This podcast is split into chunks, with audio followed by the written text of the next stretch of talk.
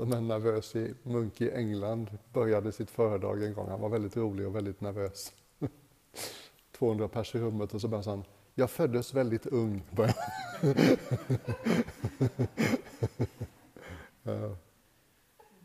Jag har ju liksom gjort det här så många gånger. Det är en del av mitt yrkesliv att berätta min historia. Så jag ska försöka att inte bli liksom automatisk idag utan försöka att ta det på ett sätt som känns genuint för er. Det är roligt också för flera av er känner liksom en bror eller mina föräldrar och sådär. Inga tidiga tecken på religiös inriktning. Jag hade en konstig upplevelse i Thailand. Jag hade varit munk i ett år ungefär. Jag hade ju så svårt att meditera i så många år. Jag kunde i princip inte hålla mig vaken om jag inte drack en kopp kaffe först.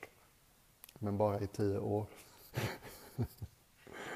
Så typ enda stunden på dagen jag kunde lita på att jag kunde hålla mig vaken när jag mediterade, var efter testunden på kvällen.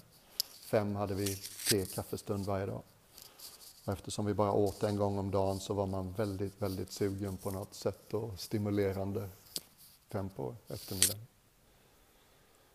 Och det var tidig kväll och jag satt i den här stora meditationshallen alldeles ensam.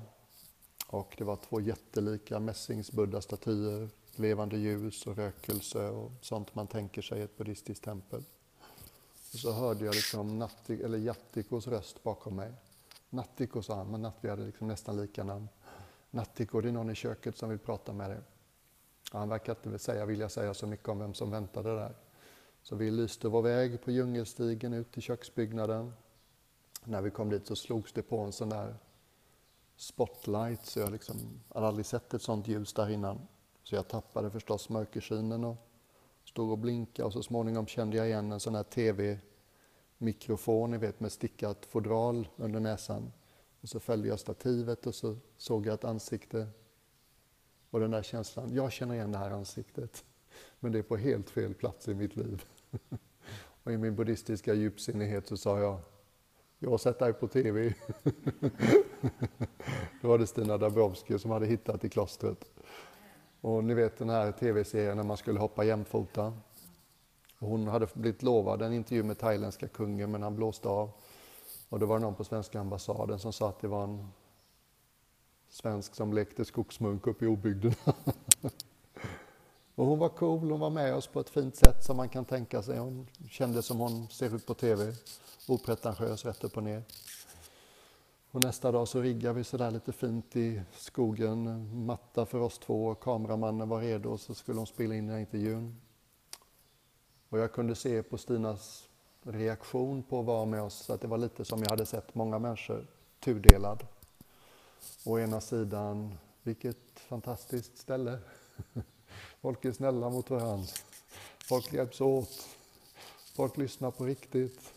Folk rör sig lite försiktigt runt omkring varandra. Folk ser varandra i ögonen. Mm. Folk är noga med att inte ens slå ihjäl en mygga eller liksom döda myror i onödan. Mm. Och det är klart att det är någonting som nästan alla svarar an väl på. Här känner jag mig trygg. Det här stället är på folk schyssta. Och det gillar man. Och så den här andra jobbiga sidan. De här människorna har gett upp allt som gör mitt, ger mitt liv guldkant. De har gett upp föräldrarollen, de har gett upp karriären, de har gett upp semester, de har gett upp romantik, de har gett upp dans, rock'n'roll, ett glas vin, ett glas öl. Äta vad jag vill, när jag vill, hur jag vill, med vem jag vill. Det är provocerande. Och den här provocerade delen av Stina bubblade upp i intervjun så småningom. Men, men, men, men Nattiko, Nattiko, hur skulle det gå om alla blev munkar och nunnor? Och jag är väldigt stolt för just mitt svar den här gången. Det är typ enda gången jag haft ett bra svar redo vid ett tillfälle. Så jag sa Stina, jag tror det hade gått minst lika bra som om alla blev programledare. och det klipptes bort. Och jag är lite bitter fortfarande, 30 år senare. nej, 25 år senare. Lite bitter. Nej, nej det är jag inte. Men en annan fråga som hon ställde det var, okej, okay, men om man frågar dina vänner där du växte upp, tidiga vänner i Hovås, Har han alltid varit lite konstig? Vad tror du de skulle svara? Rätt bra fråga.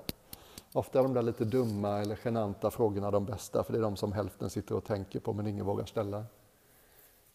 Och mitt svar var då som nu att nej, tror jag inte. Jag tror inte de skulle säga att jag var konstig. Det fanns inget som tydde på att jag skulle välja en så konstig eller exotisk livsstil så länge.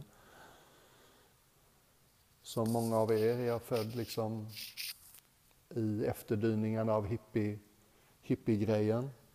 Och då var det ju massa böcker med österländsk andlig anknytning som blev populära. Och det gillade jag. Jag tuggade i mig mycket böcker.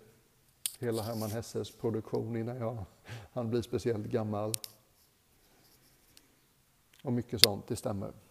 Jag tittade inte så mycket mot religion för det verkar inte relevant, men jag läste mycket psykologi och ja, böcker med, vem var det jag pratade om med dig, med Jonathan Livingston Seagull. Det var den ändliga bo, en enda andliga boken jag hittade hos mamma och pappa. Och då var jag nog inte gammal, kanske 14, 15. Liksom, wow. En fiskmås som tror att det finns ett liv bortom och jagar efter fisk och bråkar med flocken. Liksom. Min första andliga lärare var en fiskmås. Jag är ju göteborgare. Ja.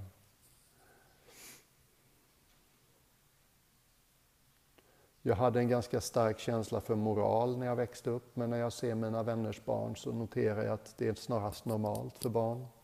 Man har ofta en stark känsla för vad som är schysst, vad som är oschysst, vad som är rättvist, vad som är fel, vad som är rätt. Jag med.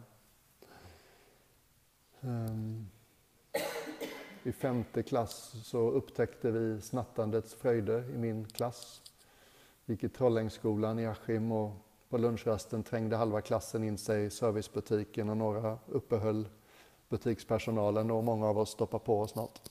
Och jag åkte fast första gången. Och jag hade en väldigt stark röst som bara sa det här är inte okej, okay. ja, det här är inte bra. Men på något sätt, jag gjorde det ändå. Och det var genant, samtalet med studierektorn, det var genant med butiksföreståndaren som hotade med polis och skrämde upp mig rätt ordentligt. Men mest genant av allt, det var när mamma kom och hämtade mig. Mm. Alltid haft en ganska nära kontakt med min mamma, en bra kontakt med min mamma. Hon brukade komma ut och krama om mig när hon hämtade mig på skolan i sin lilla folkabubbla. Hon gjorde hon inte den här gången. Jag satte mig i bilen, det var väldigt tyst. Jag liksom tänkte det är nog bäst att vara tyst här och vänta till mamma pratar. Det är inte läge att säga något där. En evighet gick, typ 30 sekunder. Sen sa mamma bara lugnt sådär, Björn, jag är egentligen inte arg. Jag är bara så djupt besviken. Ja. Och det var liksom precis rätt ord vid rätt tillfälle från rätt person. Jag litar på henne. Jag visste att hon ville mitt bästa och rasade inte ut. Kort och kärnfullt liksom. Mm. Och någonting steg upp i mig där och då som bara kände så här vill jag aldrig må igen. Så här vill jag aldrig känna igen. Så jag bestämde mig att aldrig stjäla igen. Mm. Men jag har hållit det ganska bra faktiskt. Kan inte påminna mig att jag gjort det någon gång på ett påtagligt sätt sedan dess. Och jag vet inte om någon känner igen det, men min eh, attityd kring etik det är att det handlar framförallt om att sluta göra saker som jag vet inte är klockrena. Mm.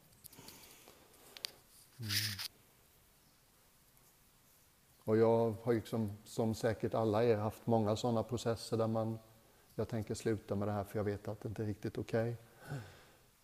Och min känsla är som att nästan ödets makter, Gud, kalla det vad du vill, hör när vi bestämmer oss för att inte göra någonting längre. Och det är som att ödets makter sitter i sin himmel och säger, ja lille vän, så du tänker inte stjäla längre? Då tänker vi presentera några tillfällen när det kommer vara väldigt lätt för dig att stjäla. Det är som att man liksom blir utmanad och börjar lita på sin etiska kompass, börjar gå sin egen väg, ta ansvar för sina handlingar. Det är som att liksom sätta ner sin stör i strömmen. Det kommer att finnas ett tryck där. Ja. Man kommer att tvingas välja och det är inte alltid lättaste, det är inte alltid bekvämaste vägen. Och som några av er vet så flyttade hela min familj utom jag till Saltis 79. Då hade jag en grym flickvän och ett grymt gymnasium så jag ville absolut inte flytta från Göteborg. Och då fick jag ha extrajobb. Jag hade faktiskt fem extrajobb samtidigt ett tag. Och det jag var mest stolt över det var att jag jobbade som scenarbetare på Stora Teatern i Göteborg. Jag fick spela fågel. Det var liksom ett grovt gäng scenarbetare. Tänk er liksom Hells Angels extraknäcker. Det gör de som scenarbetare på Stora Teatern i Göteborg. Och det är ju rätt mycket vänta och så korta jobb liksom i scenbytena. Och i den här väntan så hade vi vårt eget rum och det spelades video och det var liksom typ Motorsågsmassakern, det var grovt. Och när det då spelas Animalen, ni vet, Tage Danielssons eh, opera, så fanns det en kuliss längst bak, en ganska vacker naturkuliss. Det handlar ju om djur, den operan. Och då stod vi liksom de här fyra typ knuttarna och jag då och fick varsin pinne som var jätte, jättelång och överst satt en liten träfågel med lösa vingar. Och så gick vi långsamt bakom kulissen och gjorde så här med våra pinnar. Så såg det ut som träfåglarna flög förbi där ovanför kulissen. Så jag har framträtt på Stora Teatern. Och ett annat jobb jag hade det var som hamnarbetare i Göteborgs hamn, stuveriarbetare. Och eh, ja, du med ja, det har man gjort om man har växt upp som pojk mm, i Göteborg. Och en lördag skulle vi öppna en container som ingen hade hämtat. Den skulle lastas ur och kartongerna skulle ställas i en terminal. Och någon tog en mattkniv och öppnade en kartong och den visade sig vara full av bilstereos. Män har en fantastisk förmåga att komma överens utan att säga nästan någonting. Det var inte mycket mer än blickar som utbyttes men alla fattade att nu stoppar vi på oss tre, fyra bilstereos var och det är inte mer med det. Och sen den här obekväma känslan av att oh, det är en som inte verkar vara med. Alla måste ju vara med när man gör sånt, annars går det ju inte. Och det var jag då som inte ville vara med så de skickade fram stuveriarbetarbasen till mig för att liksom tala mig till rätta. Och varför skrattar du av någon bilstereo då? sa han. Nej, det är stöld, jag gör inte stöld, sa jag. Och tittade på oss han. Dö, det är inte stöld, det är egendomsutjämning. det är så bra. Och för mig är det sån här perfekt påminnelse, ja just det. Ska vi hitta en inre etisk kompass, då kan vi inte gå till intellektet bara. Ett halvdant intellekt kan rättfärdiga vilken position som helst. Är ni med mig? Vi har liksom mer att tillgå än intellektet. Det finns en djupare visdom i oss alla. Och någonstans tror jag de flesta av oss vet ungefär vad som är okej okay och inte okej okay för oss. Och i bästa fall följer det, i sämsta fall gör vi det inte och vi har hela livet på oss att lära oss att lyssna på den rösten för den, den står på vår sida. Och för mig handlar inte en tik om någon slags gudagivna budord eller någon liten någon stor gammal skäggig farbror med långt pekfinger i himlen som för individuell balans och resultaträkning för oss alla. Jag tror inte på det. Men jag tror på att jag lever med mina minnen. Jag minns vad jag har gjort och sagt. Och jag vill leva med lätt bagage. Jag vill inte bära på en massa som jag och, och bli obekväm varje gång jag tänker på det. Mm. Jag var en av alla dem som inte visste vad jag skulle passa i yrkeslivet. Snubbla in på Handels i Stockholm. Den ärligaste orsaken till att jag började där var att pappa blev så stolt när jag kom in. Och en röst inombords som sa Ja, men det funkar ju bra för pappa, så han är ju väldigt sådär. Han har levt ett bra liv, han verkar hemskt nöjd, aldrig sett sig om efter något annat. Materiellt finns allt på plats och mamma och pappa har det bra. Och, ja, men det kan nog funka. Och och så fanns det en annan röst. Björn, har inte du tvingats lägga märke till så länge du kan minnas att du är annorlunda än pappa på många sätt? jo, jag vet, men, men ändå, det vore ju så bra om jag kunde göra det här. Liksom. Det skulle ju vara så praktiskt om jag bara kunde följa det här spåret. Det är upplöjt och jag har växt upp i den världen och jag, jag minglar med de stora elefanterna utan att blygas. Och liksom under handen så blir det mer och mer tydligt. Grabben, tror inte du har hittat din plats i yrkeslivet. Tog mig igenom hela Handels utan att missa en enda tenta. Utan att tycka att ett enda ämne var genuint intressant. och hardcore-killarna, de stod ju och stirrade på börsmonitorn liksom med direktrapport från börsen ögonblick för ögonblick. Jag tittade på dem ibland och tänkte, undrar om det är något fel på mig, jag kan inte intressera mig för det. Och i våren då 85, trean, första yuppievågen rullade för fullt. Efter att näringslivsfolk hade misstänkliggjorts ganska mycket under 70-talet, så på 80-talet blev det hippt igen att jobba i näringslivet. Det var jättelätt att få jobb, företagen kom till Handels och rekryterade. Jag satt på Diplomat en kväll på Strandvägen och en arbetsintervju under middag med en bankgubbe från London. Insåg att jag tycker det är jättesvårt att prata och tänka och äta samtidigt. Jag liksom hetsät varje tillfälle när han pratade lite längre. Och när intervjun var slut så skakade vi tass och jag liksom så bedömde min insats och funderade lite på hur gick det här egentligen och tänkte ja men det gick nog rätt bra liksom. Jag är rätt nöjd, jag sa inget dumt sådär. Och han tittar på mig och skakar hand och så sa han Björn, eh, vi kommer säkert att välkomna dig till en vidare intervjurunda på vårt huvudkontor i London. Men får jag föreslå en sak? Ja, ja visst gärna, sa jag. Och då sa han, vet du vad? Jag tror du har mycket att vinna på om du försöker verka lite mer intresserad av arbetet. och sådär. Så, Jaha, okej. Okay. Fan, det är ju det jag har försökt hela middagen. Liksom. ja. Jag vet inte om någon känner igen sig i det, men jag kan tycka att i mina stora livsförändrande beslut så är det som att signalerna har varit ganska tydliga och ganska återkommande. Men det är jobbigt att ändra, liksom ändra riktning. Skutan är stor, man har lagt mycket tid och energi och förhoppningar. Det är inte så lätt att bara säga nu släpper vi det här och gör något annat.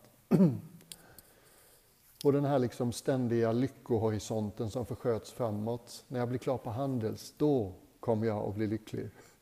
När jag får mitt första och sen börjar jobba. när jag får mitt första chefsjobb, då blir jag lycklig. Får mitt första chefsjobb. när jag börjar jobba utomlands, då blir jag lycklig. jobba utomlands, alltså det, är liksom, det är alltid någonting annat som ska hända först. Ehm, och efter ett par år så satt jag i Spanien med alla de yttre tecknen på framgång. Huset och bilen och sekreteraren och resa på rätt, i rätt längst fram i flygplanet och levde klichén lyckad men inte lycklig. Mm. Den här växande insikten att jag har gjort som man ska hela vägen.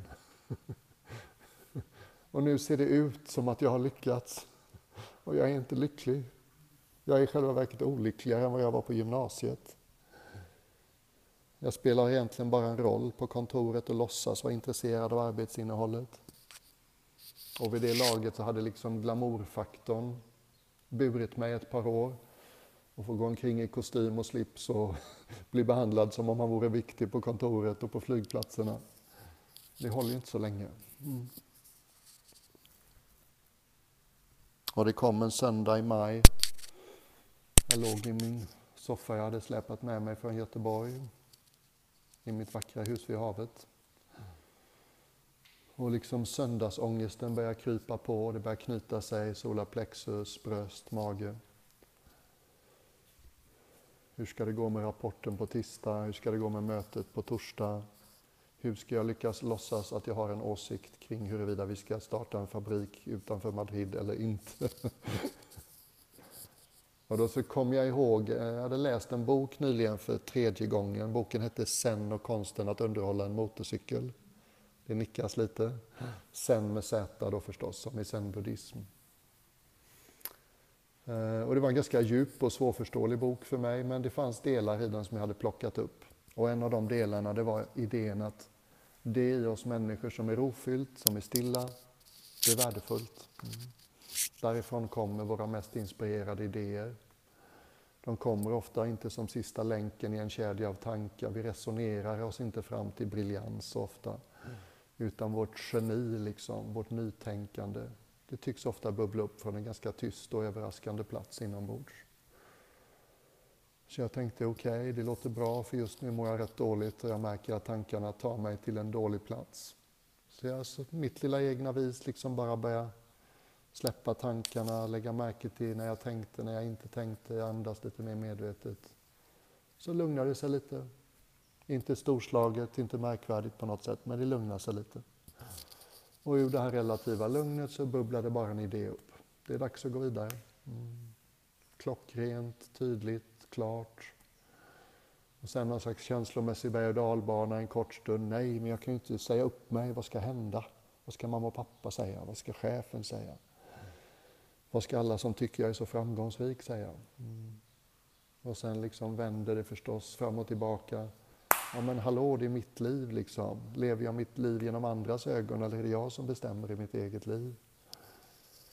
Och det satt liksom, jag tror inte det tog mer än 30 sekunder så satt den. Så får det bli. Utan att ha en plan B alls. Och det var väldigt olikt mig. Jag har alltid varit lite för utanförstyrd, lite för mån om vad andra ska tycka och tänka om vad jag gör och säger. Och det var väldigt härligt att få agera utifrån den här djupa övertygelsen som liksom bubblar fram i den här slags låtsasmeditationen. Jag svajade inte så mycket när folk ifrågasatte mig. Ja, jag säger upp mig nu. Nej, jag har ingen plan B. Som mamma och pappa var det ju rätt så chockerande för. Fyra barn, fyra bröder. Jag är den enda som har gått på högskola. Sådär. Den enda som såg ut som man skulle gå i någon riktning som liknade pappas. Började diska på Långedals värdshus en månad senare. Plugga litvet. Lärde mig det där jag berättade om igår, liksom och började lyssna empatiskt. Mm. Genom den här telefonjouren, ni kanske kommer ihåg att jag pratade om igår. Och livet liksom börjar styras in på en annan bana. Sökte mig till biståndsvärlden för jag tänkte, jag mår så bra av att få bidra och hjälpa till så att det vill jag göra mer av klassiskt exempel på idealistisk västerlänning åker till Indien för att hjälpa till. Slutresultat, Indien hjälper idealistisk västerlänning mycket mer än tvärtom. ja. Förälska mig, en kvinna i Nepal i samband med Indienresan efter jag hade vandrat i tre veckor. Jag är normalt sett ganska blyg för att flörta liksom och ha svårt. Jag behöver ganska tydliga signaler för att veta att här kan jag liksom visa mitt intresse. Men efter de här tre veckorna med 16 kilo på ryggen upp och ner för Himalaya så var jag på något sätt alltid möjligt. Liksom. Jag är oövervinnerlig. Så jag liksom drev på lite mer än jag brukade. Vi hade en fyra timmars frukost som man egentligen bara har när man är ute och reser med en främling. Sådär. Och vi åkte till Thailand och hade några veckors sådär, sagolik romans. Och sen tror jag, det är en efterkonstruktion, men jag tror att någon del av mig börjar fatta att oh, jag tror jag gillar henne mer än hon gillar mig. det här kommer sluta olyckligt. Och som jag berättade för några av er idag vid lunchen så frågade Anders om jag hade varit passionerat förälskad någon gång. Och jag var djupt passionerat förälskad, 12 år gammal. Och det höll i ett år. Och jag har aldrig varit så förälskad igen. Och våra kompisar tyckte vi var jätteskumma som var ihop liksom på vuxnas vis på alla sätt utom det sexuella. Men ni vet, har man blivit dumpad en gång så är man liksom lite försiktig med att bli det igen för man vet hur ont det gjorde. Och jag tror att den här insikten att hon gillar mig kanske lite mindre än jag gillar henne, det kanske bara var min idé men så kändes det då, gjorde att jag började stänga till känslocentrat tappa min spontanitet, min lekfullhet, min förmåga att liksom skoja och flexa så där som man behöver göra i alla förhållanden, inte minst i en ny förälskelse. Och vi skildes åt på vänligt sätt liksom och jag sa i princip att jag skulle också lämna mig om jag var du. jag är ju astråkig att vara med liksom. Och jag skämdes ju, kände mig dum såklart men ni vet, ibland sitter det bara snett och det är inte så lätt att bara komma ur det hur som helst. Så att det var liksom en väldigt lång introduktion till där börjar jag röra mig mot buddhism. Mm. Någon vag känsla som jag tror jag sa igår av att det fanns någonting i kulturen, i buddhismen som lockade mig utan att jag riktigt förstod det. Det tycktes vara en klok och förlåtande och öppensinnig religion utan någon gud som man måste liksom överlämna sig till.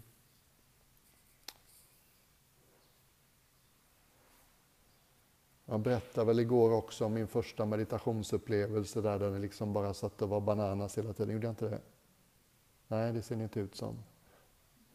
Gjorde jag det? Det gjorde jag. Den där lilla charaden liksom, med så här var det för mig när jag började meditera. Ja, precis.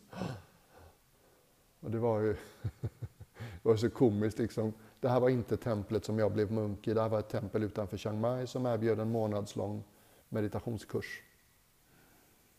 Och jag kommer dit liksom och lägger så småningom märke till, okej, okay, munkarna ägnar sig i huvudsak åt att kedjeröka och skvallra. De enda som tycks meditera regelbundet här är västerländska backpackers.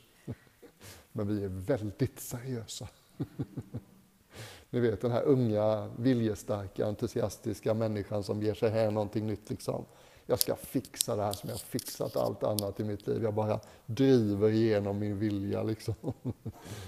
Som ung man sprang jag liksom maraton i Sevilla när jag bodde i Spanien. Nio träningstillfällen. Jag sprang igenom hela loppet och var liksom jag gick ju sönder i intima delar och brösten blev till liksom köttfärs. Jag visste ju inte hur man gjorde, jag hade ju liksom en tjock bomullstisha på mig.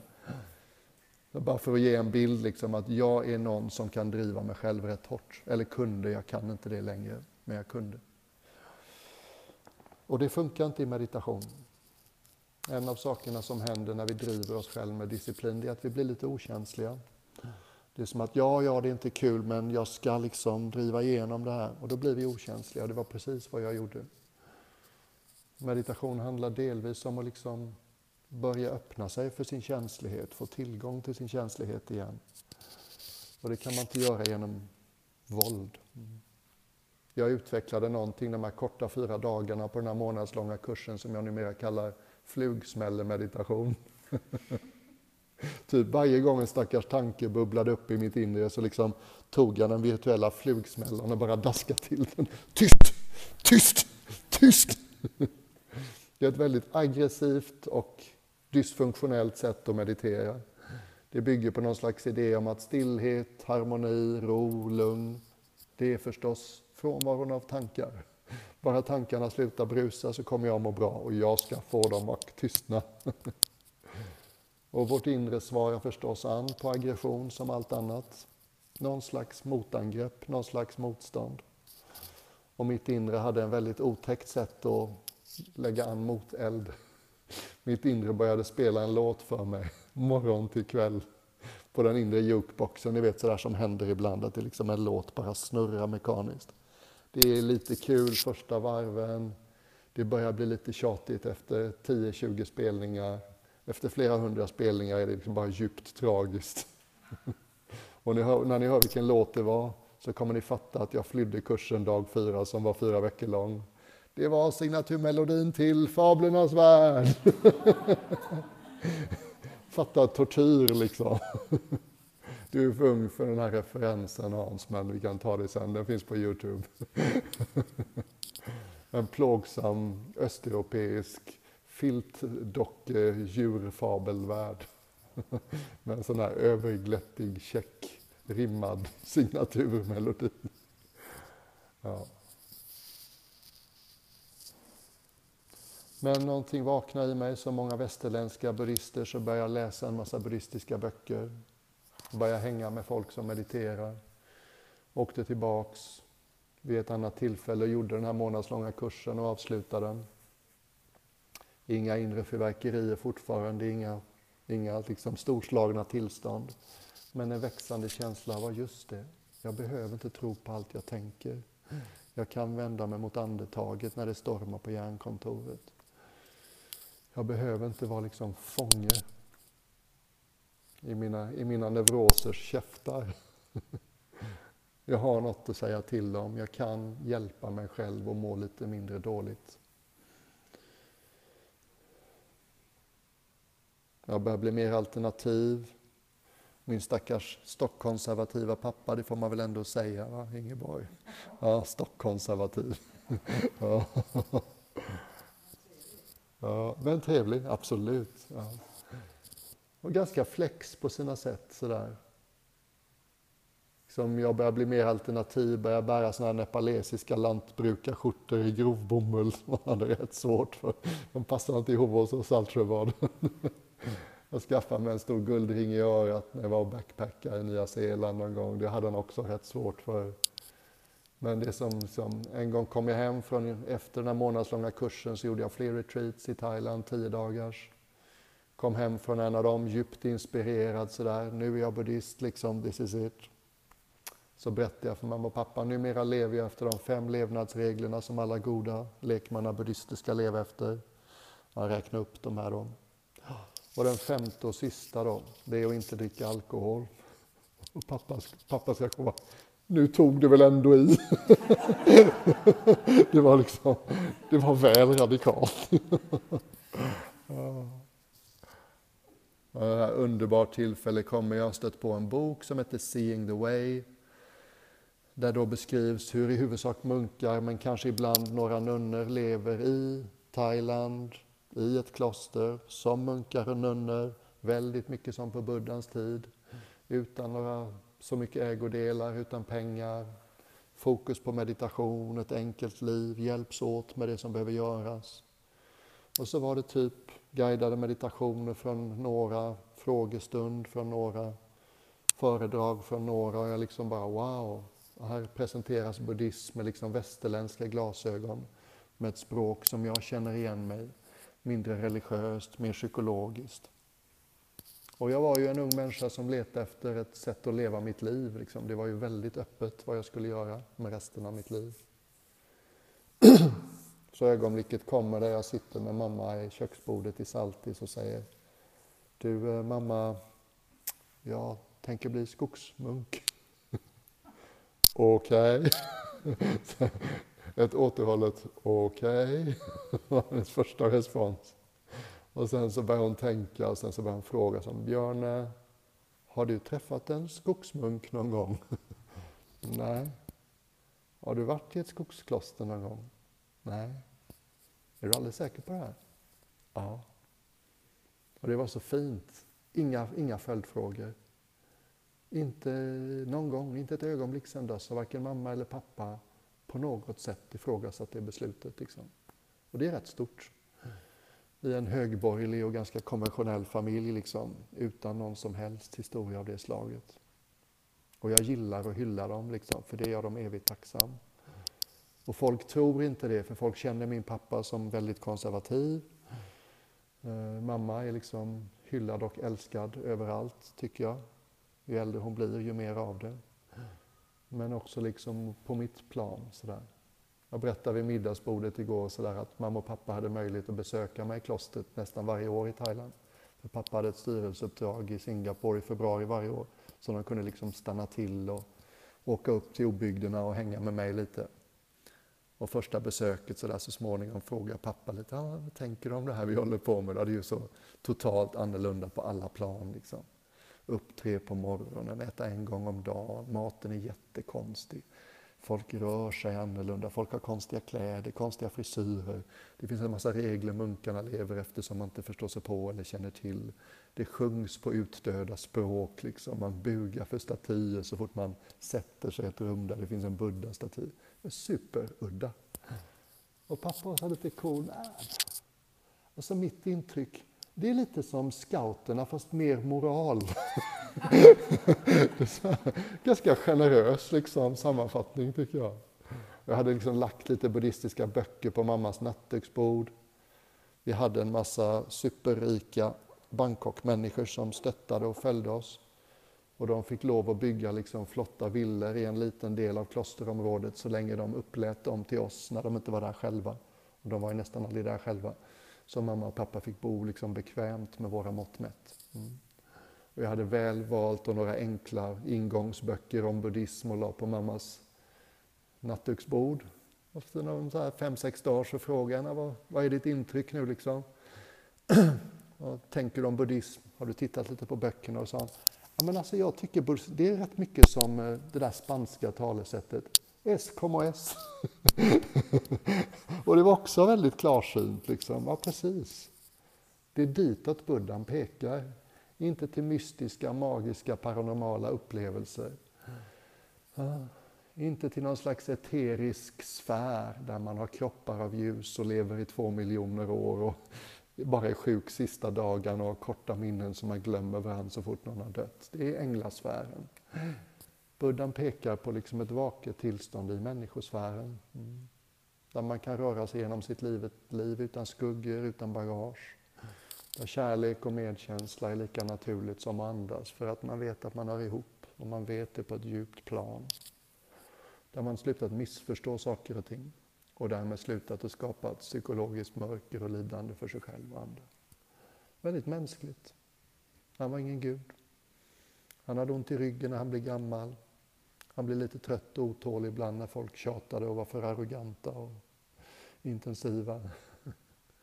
Men han upptäckte något som har ekat i 2500 år nu och som fortfarande ekar och som människor upptäcker till höger och vänster idag också.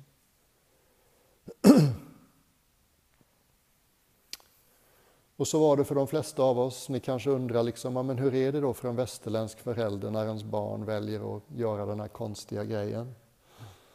Och för nästan alla var det samma. För första steget var det, åh nej, mitt barn har gått med i en sekt, en kult, en djup olycka. Och det... Vilka starka öron jag. Och det höll ofta i sig till de kom på första besöket. Och då upptäckte de, där är en schysst plats. Folk är schyssta. Inget fuffens kring sex, inget fuffens kring pengar och makt. Mm. Ofta de tre områdena där det går snett för sådana här religiösa gemenskaper. Mm. Kanske någon av er tänker, ja, ja, men ett buddhistiskt kloster, munkar och kanske nunnar, då är väl alla jättesnälla, ingen har personliga problem eller hang-ups, ingen blir otålig eller arg. Dream on baby.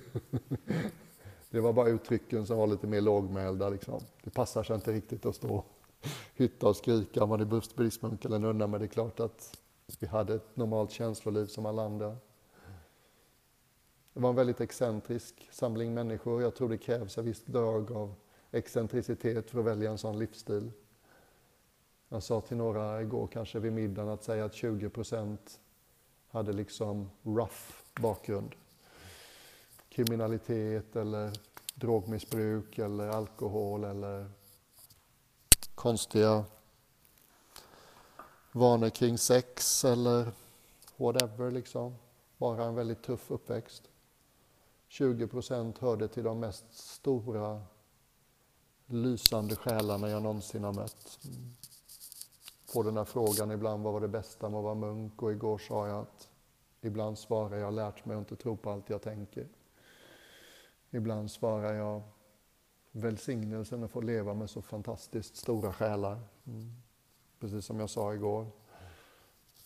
Visdom är något man lägger märke till långsamt. Mm. Man ser hur folk svarar an på livet. Mm. hade en av de mest hyllade västerländska översättarna av buddhistiska texter boende hos oss en månad. Morris Walsh, engelsman, väldigt engelsk, inte munk. Och sista dagen han var med oss på testunden så var det någon av munkarna, du vet det här är en högtidsstund. Då. Du har inte ätit sen i morse, äntligen liksom något sött, något gott.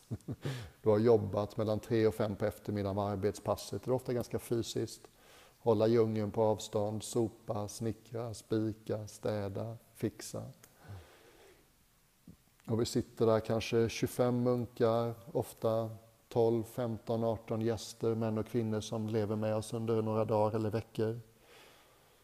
Maurice då vände sig den där munken till Maurice och sa du, nu har du levt oss här med en månad, vad är ditt intryck?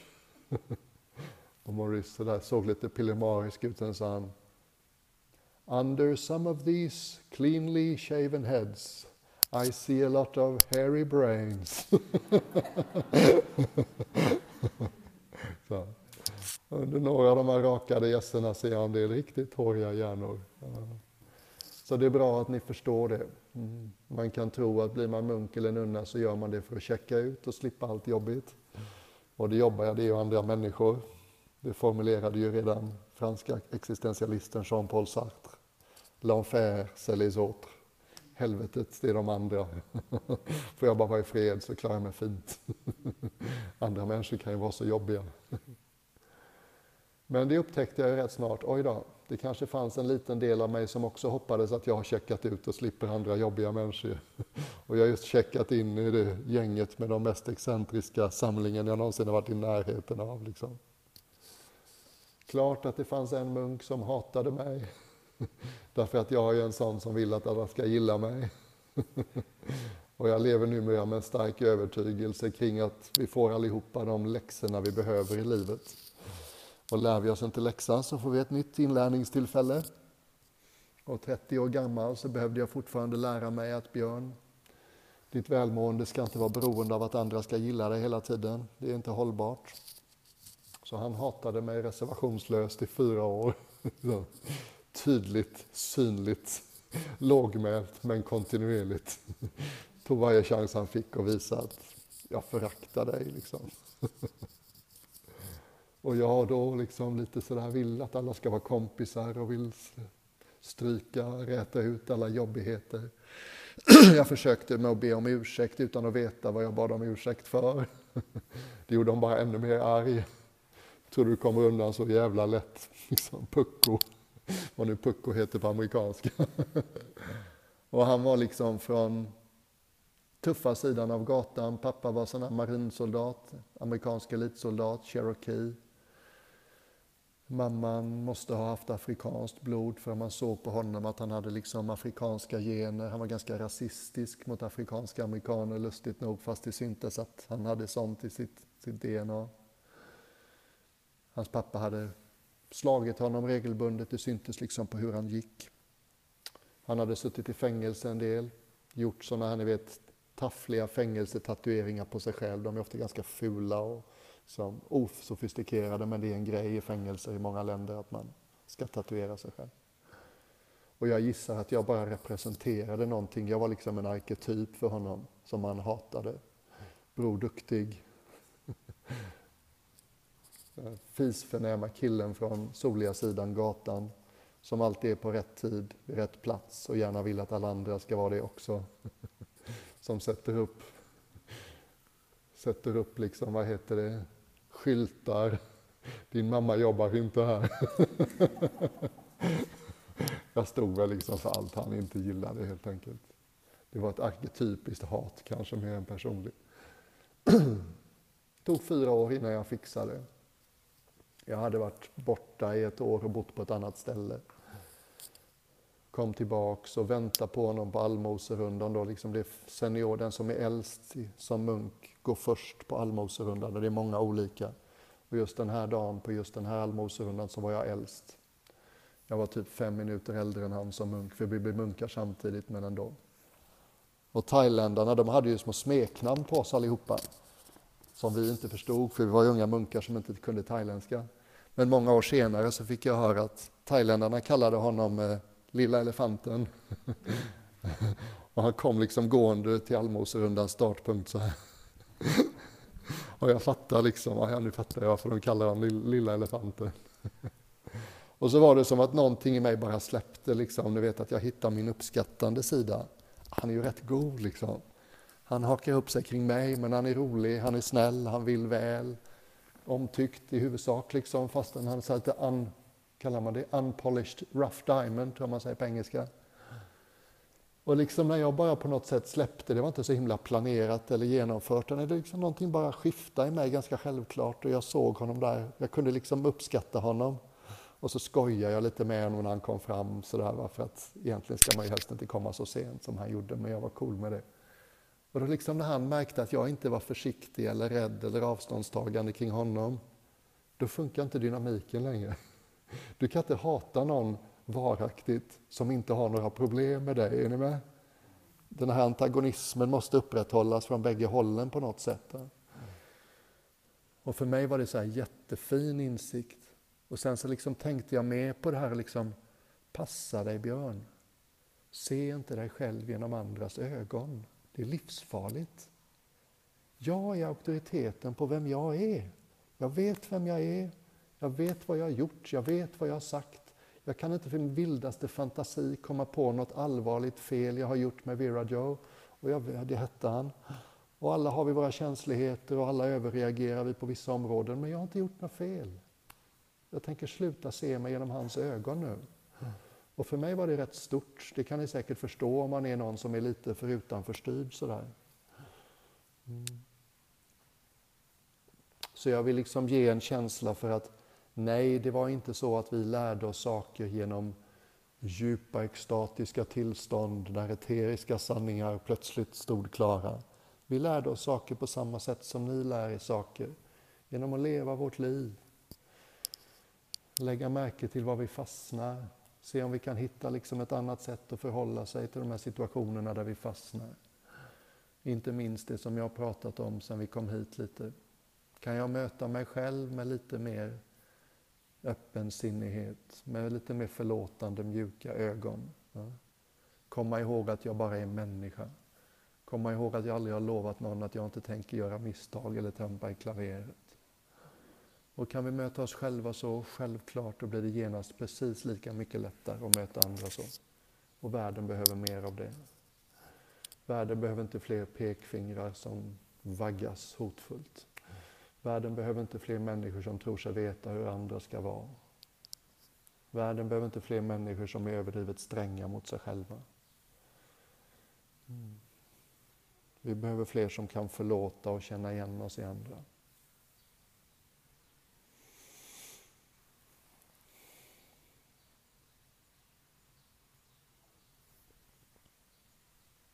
Väldigt roligt att vara munk. Det kan låta så allvarligt. Celibat, inga pengar, får inte äta vad man vill, får inte sitta med vem man vill, byter hydda en gång i månaden så fort man har lärt sig att gilla ett ställe så ska man flytta, asjobbigt.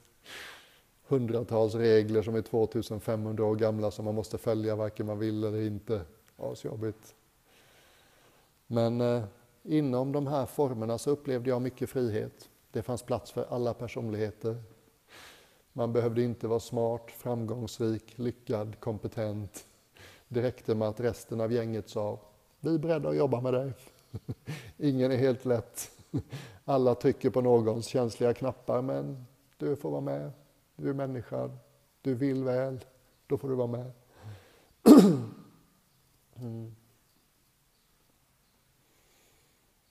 T-stunden så där var ofta så här gyllene tillfälle som jag sa. Ofta hade vi liksom samtal kring ett tema.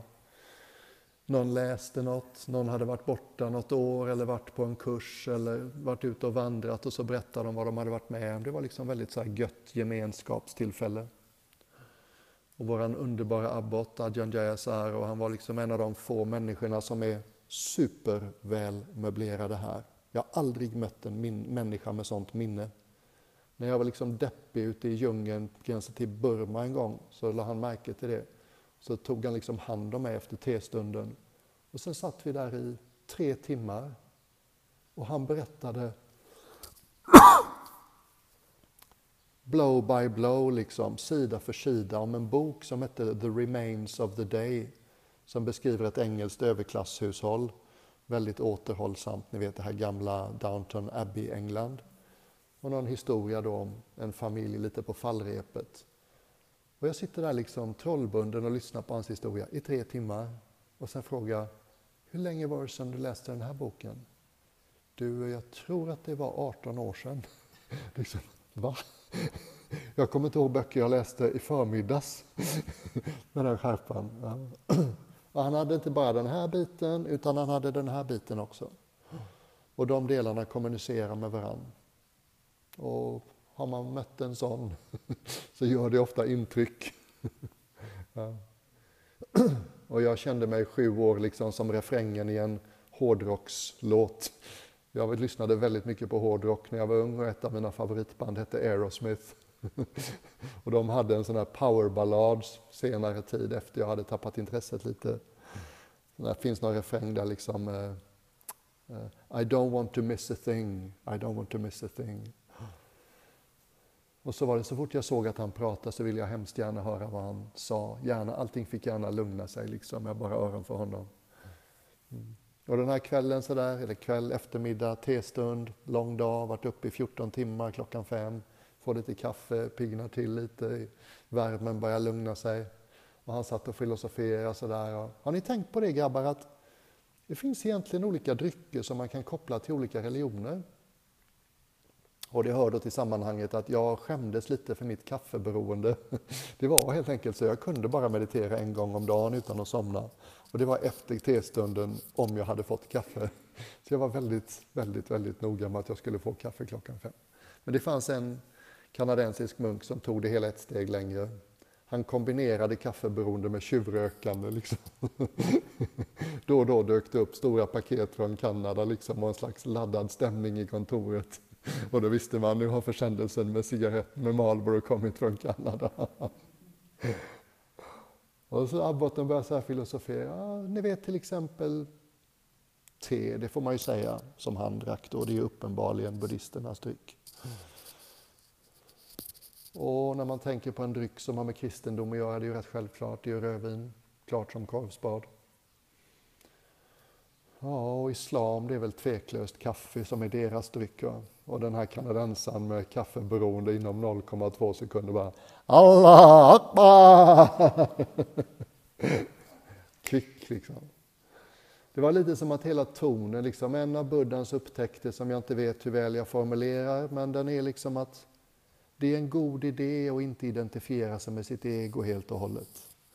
Det är en god idé att hitta lite fritt utrymme kring ego, hitta någonting lite större, möta sitt egos ihärdiga med lite fri uppmärksamhet, lite humor, lite ledigt. Och det blev så i klostret, kanske också beroende på att traditionen var lite brittisk sådär. Abboten var engelsman, flera av munkarna var engelska, språket var engelska. Så, så lite brittisk humor, så man skojar lite med varann. Milt retande kan man kanske säga. Men det är också ett sätt att liksom känna av varandra. Tar du dig själv lite för mycket på allvar nu? Ja, det märker jag när jag retas lite med dig. Ja. Mm. Hur gör ni finansiellt? Finansiellt? Så att ni åker lite dit, Ja. Mm. Eh, Ja du, i huvudsak gick man. Mm. Men var det så att någon ville att man skulle någonstans så fick de stå för allt. Så att eh, World Fellowship of Buddhism ett sådana världshögkvarter för buddhism. De har ett stort flott kontor i marmor i Bangkok och de ville att en av oss skulle åka dit och prata en söndag i månaden för du vet turister i Bangkok som vill lära sig något om buddhism. Då får de fixa biljetter till oss fram och tillbaka, de får fixa boende åt oss.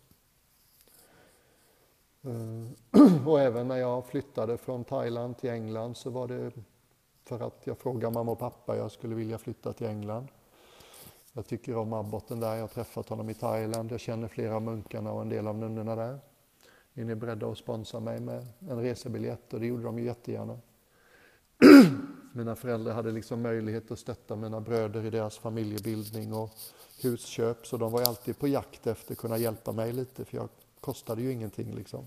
Det fanns ju nästan inget man kunde ge dem. Och dessutom när jag blev munk så hade jag eh, ett sexsiffrigt belopp på banken när jag hade betalt av studielånet och sånt. Då tänkte jag lite, vad ska jag göra med det? Och först så tänkte jag, jag vill ju ge det till klostret.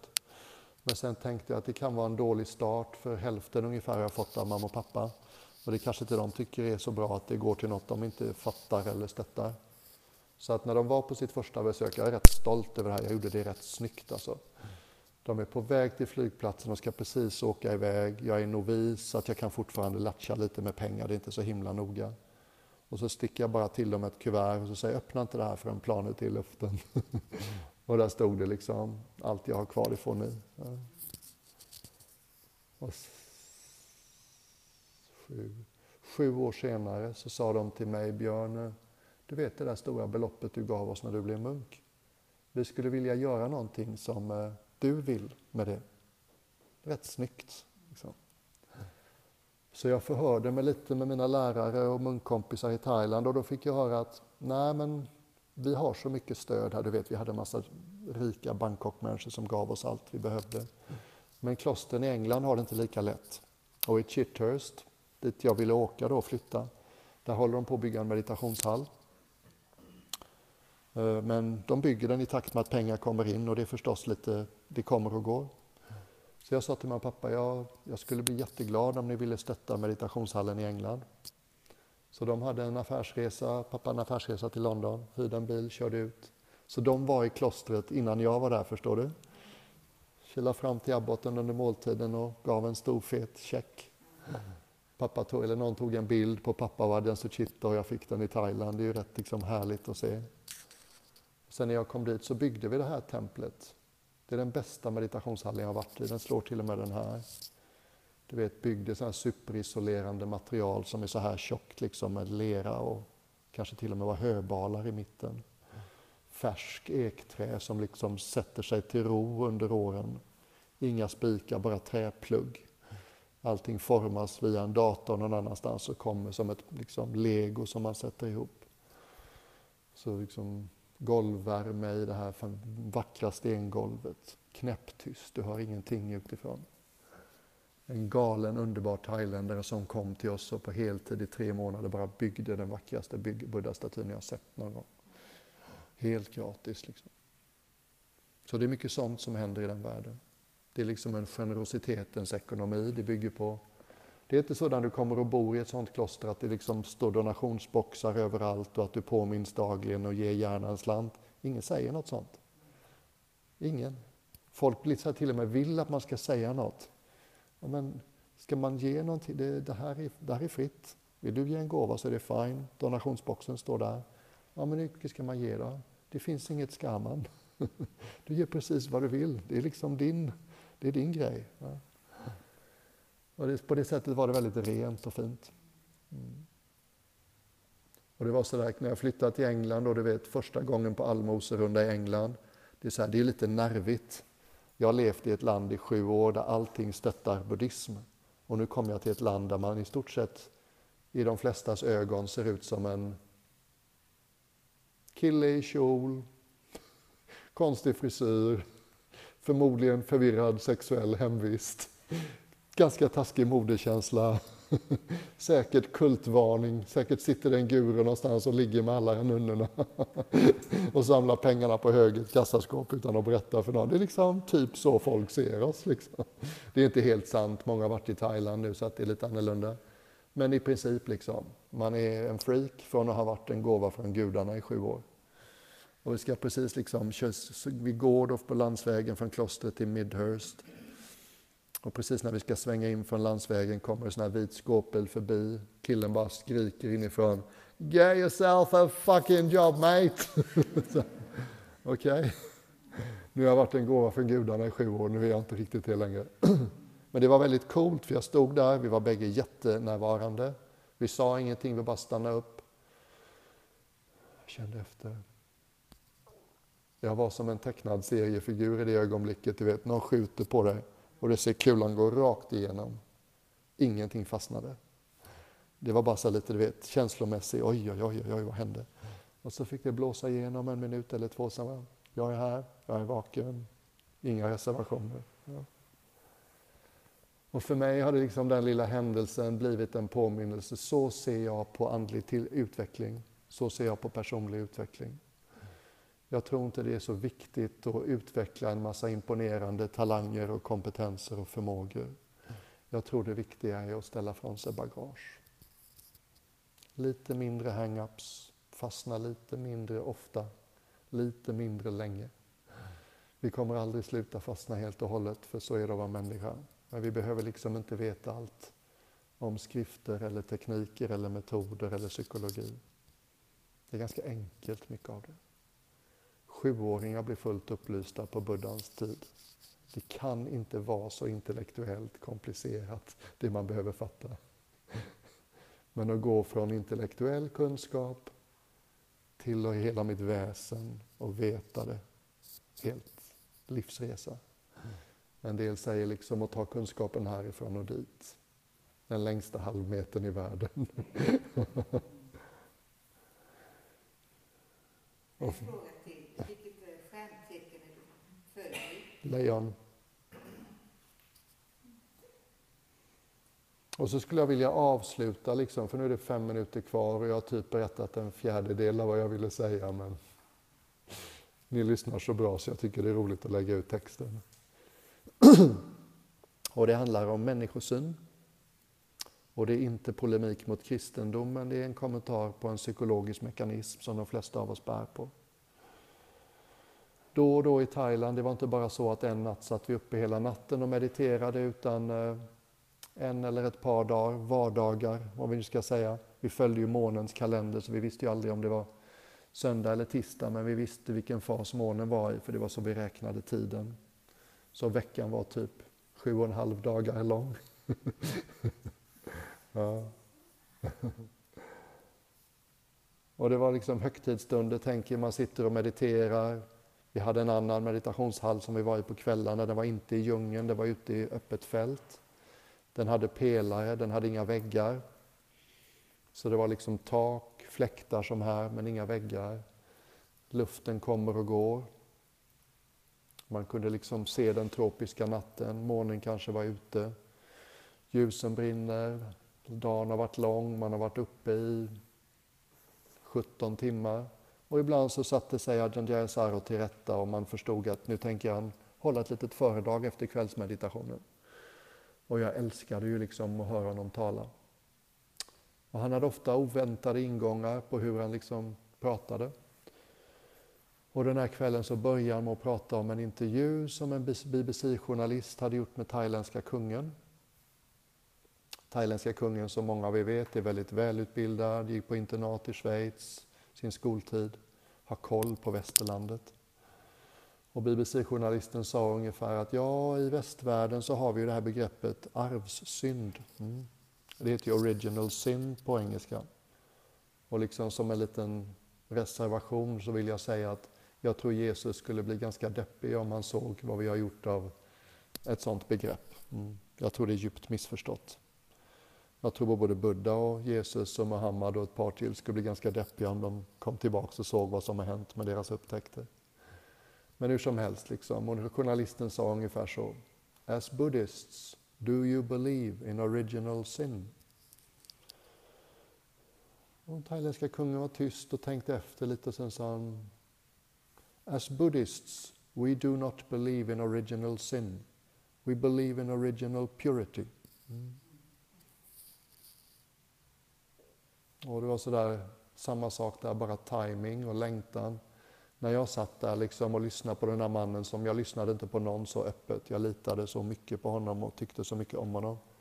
Det var liksom som att ett fönster öppnades inombords. Wow! Får man öppna det fönstret inombords? Får man öppna för möjligheten att den där rösten jag har burit på hela livet som dömer mig ganska hårt när jag gör ganska oskyldiga misstag. Som jämför mig med andra mest hela tiden och det slutar nästan aldrig till min fördel. Som har så mycket synpunkter på alla sätten jag borde vara annorlunda. Kan det vara så att den rösten kanske inte har rätt? Kan det vara så som Buddha säger, så som jag tror Jesus skulle säga, så som jag tror att de flesta andliga giganterna skulle säga? Att kärnan, essensen, ursprunget, källan i dig och mig och alla andra människor, även Donald Trump, även Jimmy Åkesson, eller vilket ditt favorithatobjekt nu är. Att det är någonting vi har fått med oss sen vi föddes allihopa. Mm. Att det är den största skatten i ett människoliv. Att det kanske till och med fanns där innan vi föddes. Att det kanske till och med finns kvar när vi dör. Ja. Det blev inte påminda om ofta i mediabruset i Sverige idag. Det är jag väldigt glad att få slänga in som en avslutande möjlighet. Mm. Tänk om det är så. Som så många visa män och kvinnor har sagt sedan mänsklighetens begynnelse. Mm. Källan, kärnan. Liksom. Det finns någonting varaktigt i oss. Och det spelar ingen roll var du hur du lever ditt liv, det går inte att förstöra det. I buddhismen finns det exempel på en massmördare som hade mördat, han fick någon slags psykos. Och han skar av pekfingret från alla människor han mördade och blev känd som Angulimala. Och Angulimala på sanskrit, Anguli är finger och mala är halsband.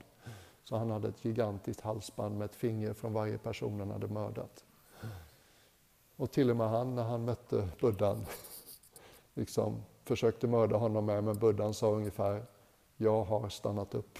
Är det inte dags för dig att stanna upp? och han liksom hade någon latent visdomspotential. Så han fattade, här finns det någon som är värd att lyssna på. Mm. Och det sägs att tack 12 år och sen så upptäckte han samma saker som buddhan upptäckte. Och han var betydligt karmiskt mer tyngd än de flesta vi kan komma på. Mm. Och det är också en fin påminnelse. Man kan leva ett djupt kriminellt och hemskt liv länge. Det går inte att förstöra liksom juvelen, skatten vi alla bär på. Mm.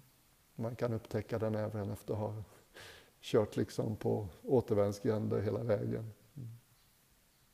Och där blev jag liksom lite religiös och andlig och kanske konstig men jag vill lägga in den biten där för den är viktig för mig. Och jag ser på er att många av er liksom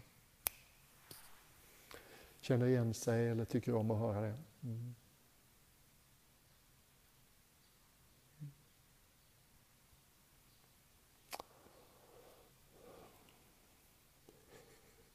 I talarbranschen så säger ibland kollegor och talarcoacher åt mig så här, Björn, vi förstår att du känner väldigt starkt för många av de här ämnena du pratar om, men glöm inte att skoja till det lite ibland också.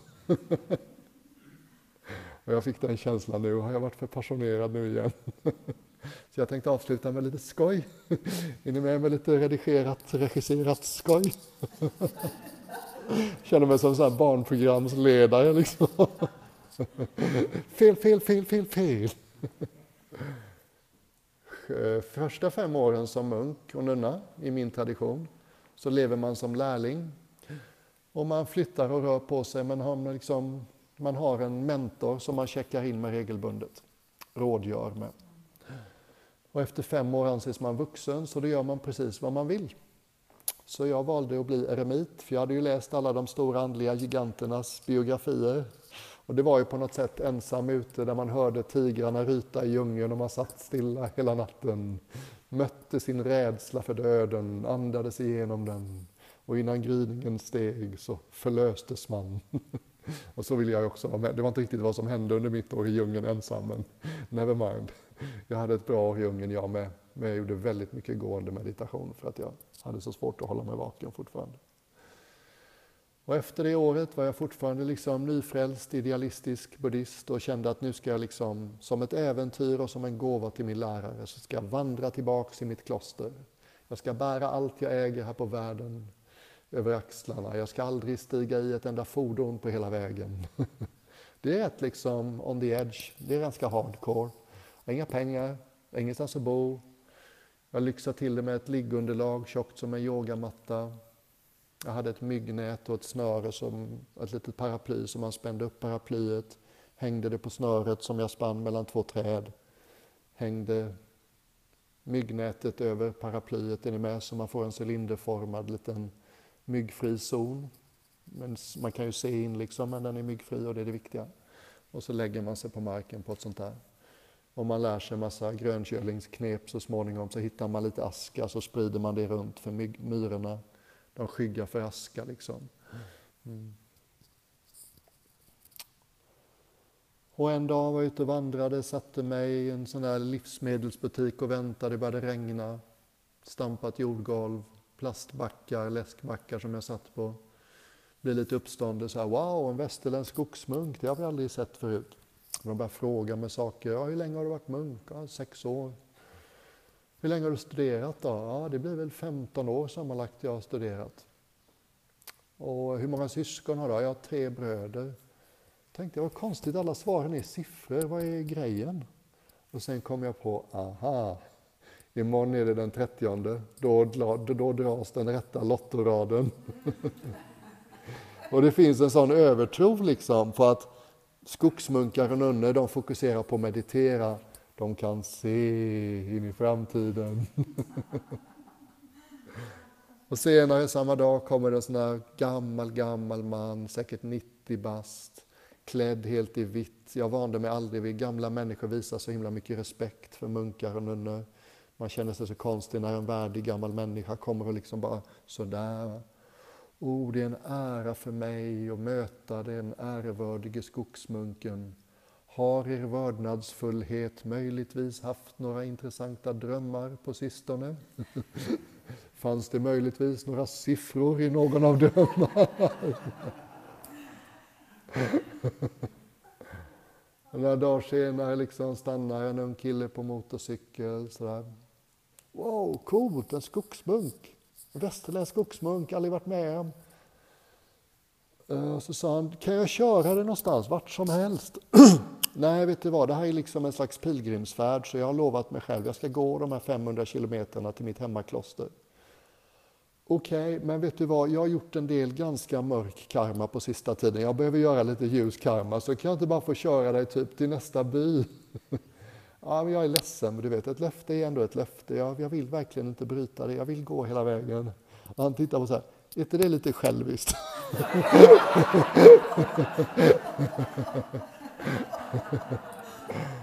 och så liksom han gav sig inte så här, 100 meter, hur svårt kan det vara? Hoppa upp så kör det bara 100 meter.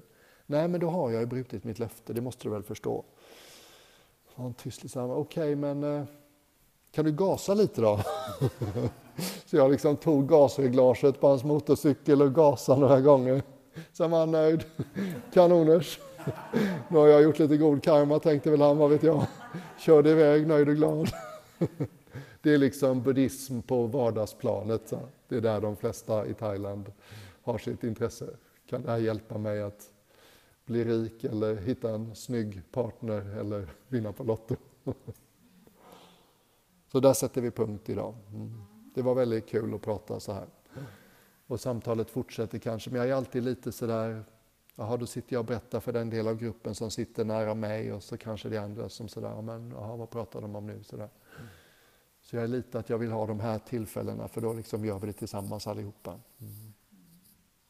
Tack för en hittills, som Anders Gernadh skulle säga, en felfri dag.